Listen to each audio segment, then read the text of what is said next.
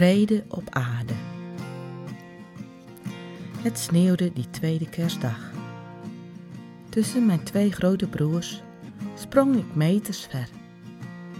Ene, tweeën, huppakeeën. Ik gilde het uit van plezier. Aan beide kanten hielden mijn broers me stevig vast. We waren onderweg naar de zondagschool.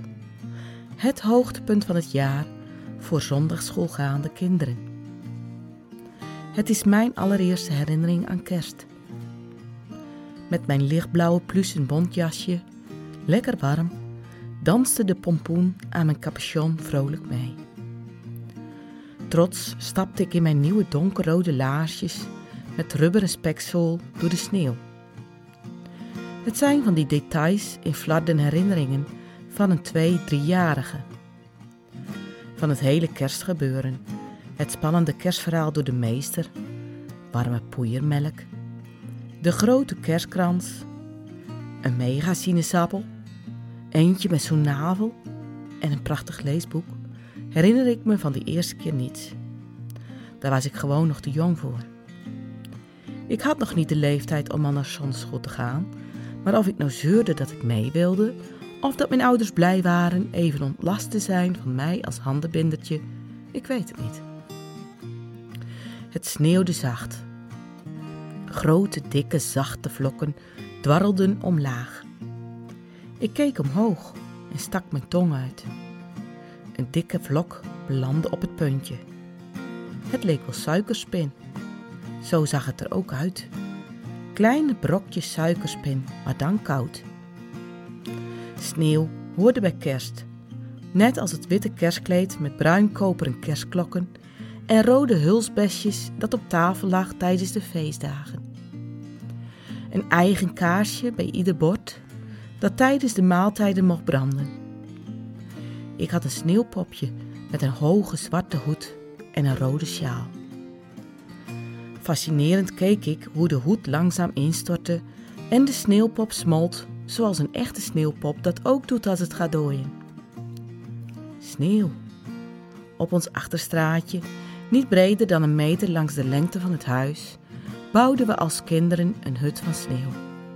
Een echte iglo, maar dan vierkant. Maar het was wel een echt holletje waar we in konden zitten, zelfs met een dak. En ik vond het heel bijzonder dat het helemaal niet koud was in onze hut. Vroeger had je nog paksneeuw. Sneeuw die bleef liggen, wat je goede sneeuwballen van kon maken, grote sneeuwpoppen en dus zelfs iglo's kon bouwen. Later vroeg ik me wel eens af: sneeuwde het alleen vroeger tijdens de kerstdagen? Of is het een poëtische wens die we vastplakken aan en in onze herinneringen? Zoals sneeuw bij kerst hoorde, zo hoorde ook het zingen met ons gezin bij deze tijd. Mijn vader achter het traporgel. Met lange uithalen zong hij vrede op aarde. Mijn moeder zong met haar hoge sopraanstem de tweede stem er bovenuit. En wij als kinderen haalden het uit onze tenen om ook maar gehoord te worden. Warme herinneringen aan een bijna zorgeloze jeugd. Zoals ik in mijn kindertijd genoot van de intense beleving, zo vanzelfsprekend was ook de vrede. Waarom zingen we ieder jaar over vrede, terwijl de oorlog in 1945 toch al was gewonnen? De laatste jaren is die vrede echter niet meer zo vanzelfsprekend. Het vernietigende coronavirus eiste meer slachtoffers dan we ooit voor mogelijk hadden gehouden. Bijna iedere familie kampt nog met de gevolgen van verlies of lichamelijk ongemak. Toen de coronacrisis leek te verdampen, was er plotseling de oorlog tussen Rusland en de Oekraïne. Oude mensen bleven achter in spookachtige dorpen en steden. Gezinnen vluchtten naar andere delen van de wereld. Jonge militairen werden kanonnenvoer voor de vijand. Vrede op aarde. Wat een ongekende luxe. Ineens werden we in oktober dit jaar opgeschrikt door een enorme golf geweld tussen Hamas en Israël. De onmenselijke verschrikkingen zijn te gruwelijk om uit te spreken. Wanneer komt er een einde aan deze ellende? Vrede op aarde. Eens was het zo vanzelfsprekend. Nu is het een wens, een poëtische wens die we willen vastplakken aan en in onze herinneringen. Zoals kerstzang bij kerst hoort, zo hoort toch ook vrede bij deze tijd? Helaas is de vrede ver te zoeken. De wereld is in de ban van oorlog en geweld. En waar we aan de ene kant zoveel gemak halen uit social media, zorgt het aan de andere kant voor ongelooflijk veel ellende. We kunnen in de huiskamer van familie kijken aan de andere kant van de wereld op hetzelfde moment. We delen onze mooie momenten met heel veel mensen tegelijk, zoals duizenden mensen ineens onze livestreamconcerten konden zien en horen. Hoe bizar is dat? Maar tegelijkertijd zorgt diezelfde social media ook voor meer stress, mediadruk en is een bom werpen nog slechts een druk op de knop geworden. Ik herinner me een filmpje van een Russische soldaat in een greppel tijdens de kerstperiode vorig jaar. Alleen achtergebleven, koud op de bevroren grond. Misschien wel huilend om zijn familie, gezinnetje of vriendin. Ook hij was iemands zoon, iemands broer, man of vader.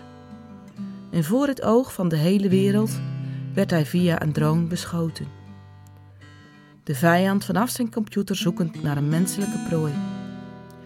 Het gaat er niet om of hij Rus of Oekraïner was. Het gaat erom dat de ene juicht waar de ander huilt. Het gaat om de haat die in een mensenhart kan leven. Zo'n haat dat we juichen bij het vernietigen van een van ons, een mens, een schepsel van God. Ik weet wel, oorlog is niet iets waar je altijd onderuit kunt.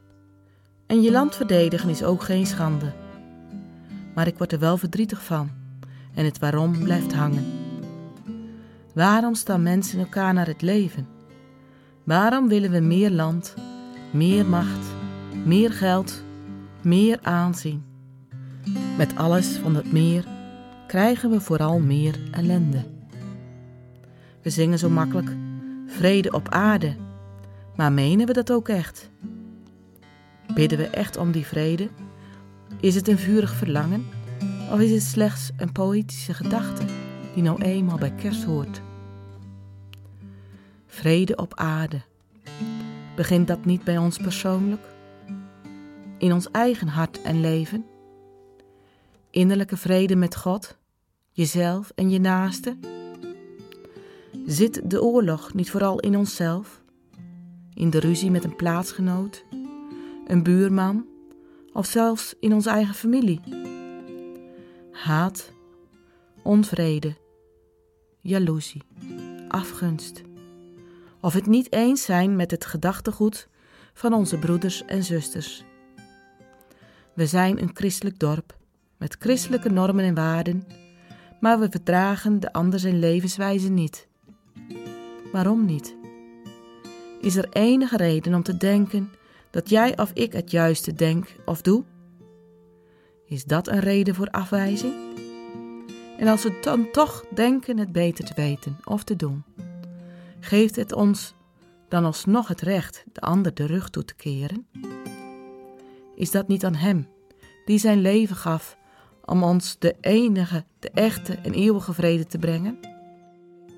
Als u en jij er ook zo over denkt, Wacht dan niet langer om vrede te sluiten met jezelf of met degene die je niet kunt verdragen.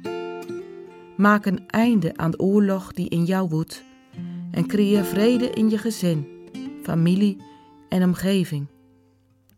Vergeef hen die jou hebben beschadigd. Dat is het krachtigste wapen om de oorlog in jezelf te winnen. Of het nou een oorlog is van intense woede of een oorlog van diepe wonden. Dan daalt er een diepe innerlijke vrede in je hart. Dan zijn er geen poëtische wensen en gedachten meer, of herinneringen aan de dingen die vroeger goed waren, want dan is het goed. Als de oorlog stopt in onszelf, ontvangen we vrede, echte vrede. Vrede in je ziel en uiteindelijk vrede op aarde.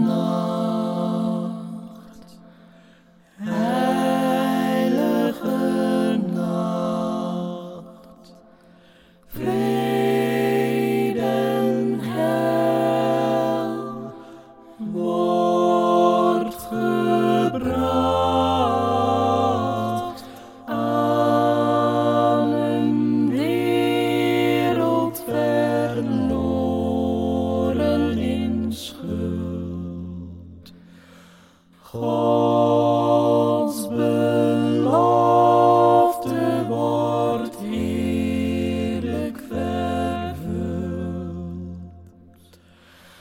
Amen, God, zij